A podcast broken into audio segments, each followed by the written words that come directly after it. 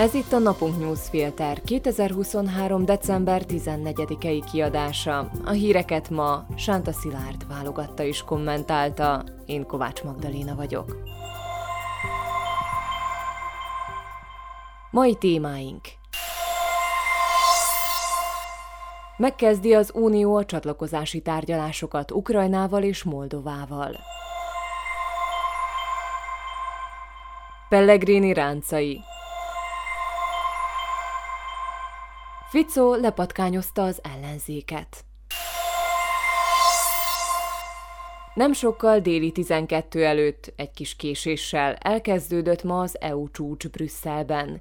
A csúszás oka az volt, hogy egy munkareggelivel indítottak a vezetők, melyen Olaf Scholz, német kancellár, és Emmanuel Macron, francia elnök mellett Orbán Viktor, magyar miniszterelnök is részt vett. Sok információ nem szivárgott ki az egyeztetésről, de feltehetően a magyar kormányfő előre beharangozott vétója lehetett a téma. Sikeres lehetett a puhítás. A mai newsfilter írása közben érkezett a hír. Az uniós állam és kormányfők úgy döntöttek, hogy megkezdik a csatlakozási tárgyalásokat Ukrajnával és Moldovával.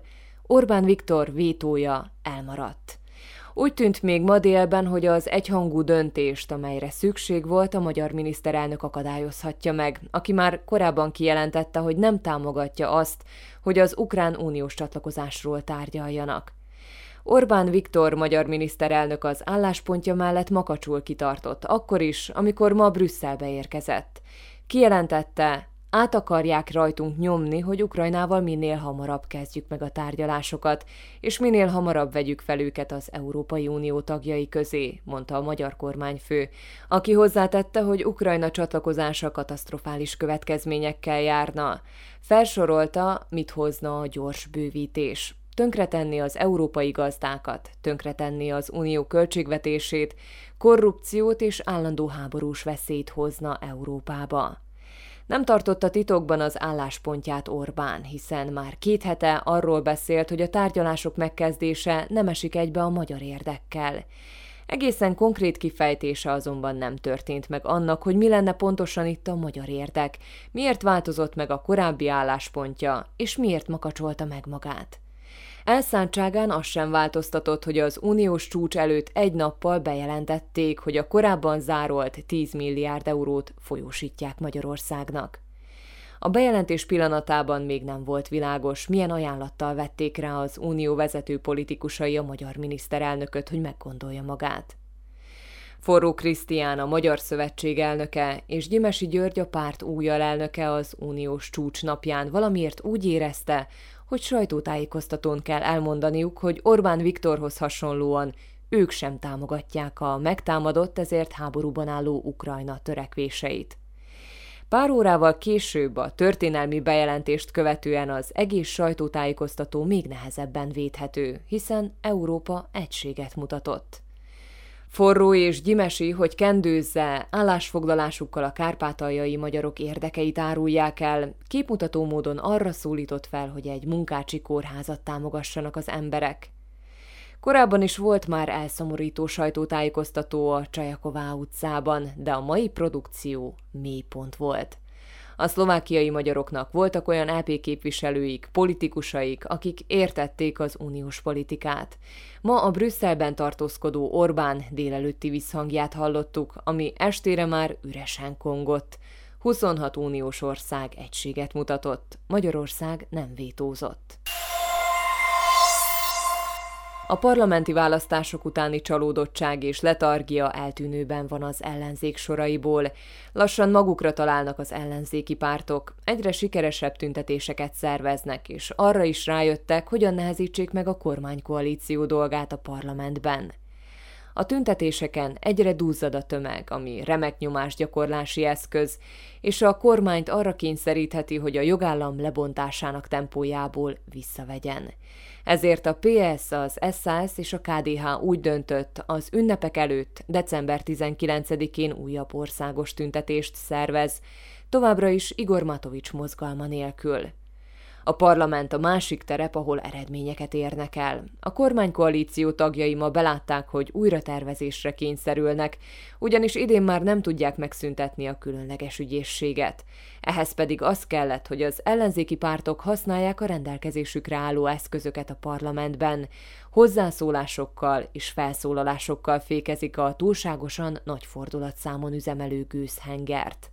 A kormány számára elsőbséget élvez a költségvetés elfogadása, ehhez pedig a konszolidációs csomag elfogadása mellett más törvények megszavazására is szükség van. Éppen ezért az ellenzéki képviselők előtt több lehetőség is adódik, hogy parlamenti obstrukcióval éljenek. Egyébként a megnövekedett hozzászólások száma nem kell, hogy szószaporítást legyen. Érkeznek is érdemi, szakmai észrevételek a törvényjavaslatokhoz. A tüntetések sikere és a különleges ügyészség eltörlésének csúszása miatt Peter Pellegrini házelnöknek fájhat a feje, akit bejelentéstől függetlenül mindenki elkönyvelt már államfőjelöltnek.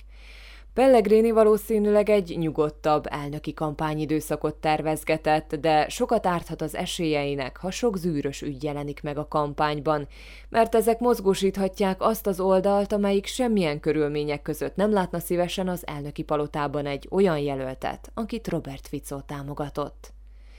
További ráncok is megjelenhettek ma Pellegrini homlokán. Koalíciós partnere, az SNS kijelentette, hogy szívesebben támogatná Robert Ficót államfőjelöltként, mert az ő szavazóik számára elfogadhatóbb. Ugyanakkor tisztában vannak azzal, hogy hiába ábrándoznak erről, ezért a pártelnök André Danko indítását fontolgatják. Az a tény, hogy a kormánykoalíció tervei nem az elképzelt módon alakulnak, Robert Fico kormányfőt egyre jobban dühíti. Ennek pedig egyik jól látható jele az, hogy a parlamenti választások után magára pakolt konszolidáltabb máz elkezdett lepattogni. A választások előtt sokkal durvább szótárból válogatott a Smer elnöke, mivel óriási nyomás volt rajta, hogy újra magához ragadja a hatalmat és mentse a saját és cimborái bőrét.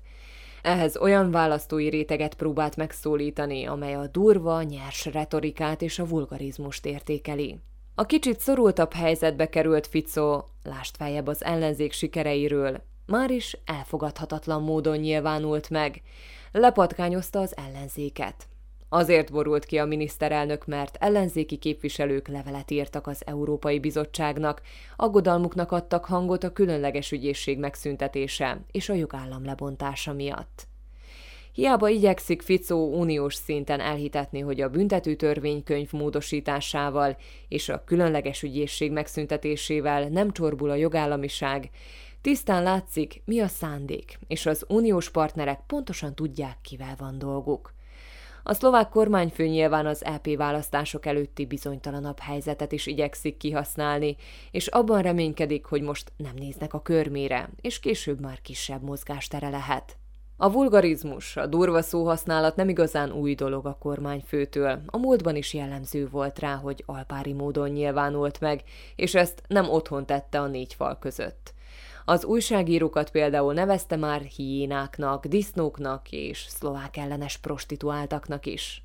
Függetlenül attól, hogy melyik politikai oldalon áll egy közszereplő, elfogadhatatlan, hogy ilyen módon lesz a közbeszédet és dehumanizáló módon beszéljen a politikai ellenfeleiről. Ezzel a választópolgárok is felhatalmazva érezhetik magukat, hogy hasonlóan nyilvánuljanak meg.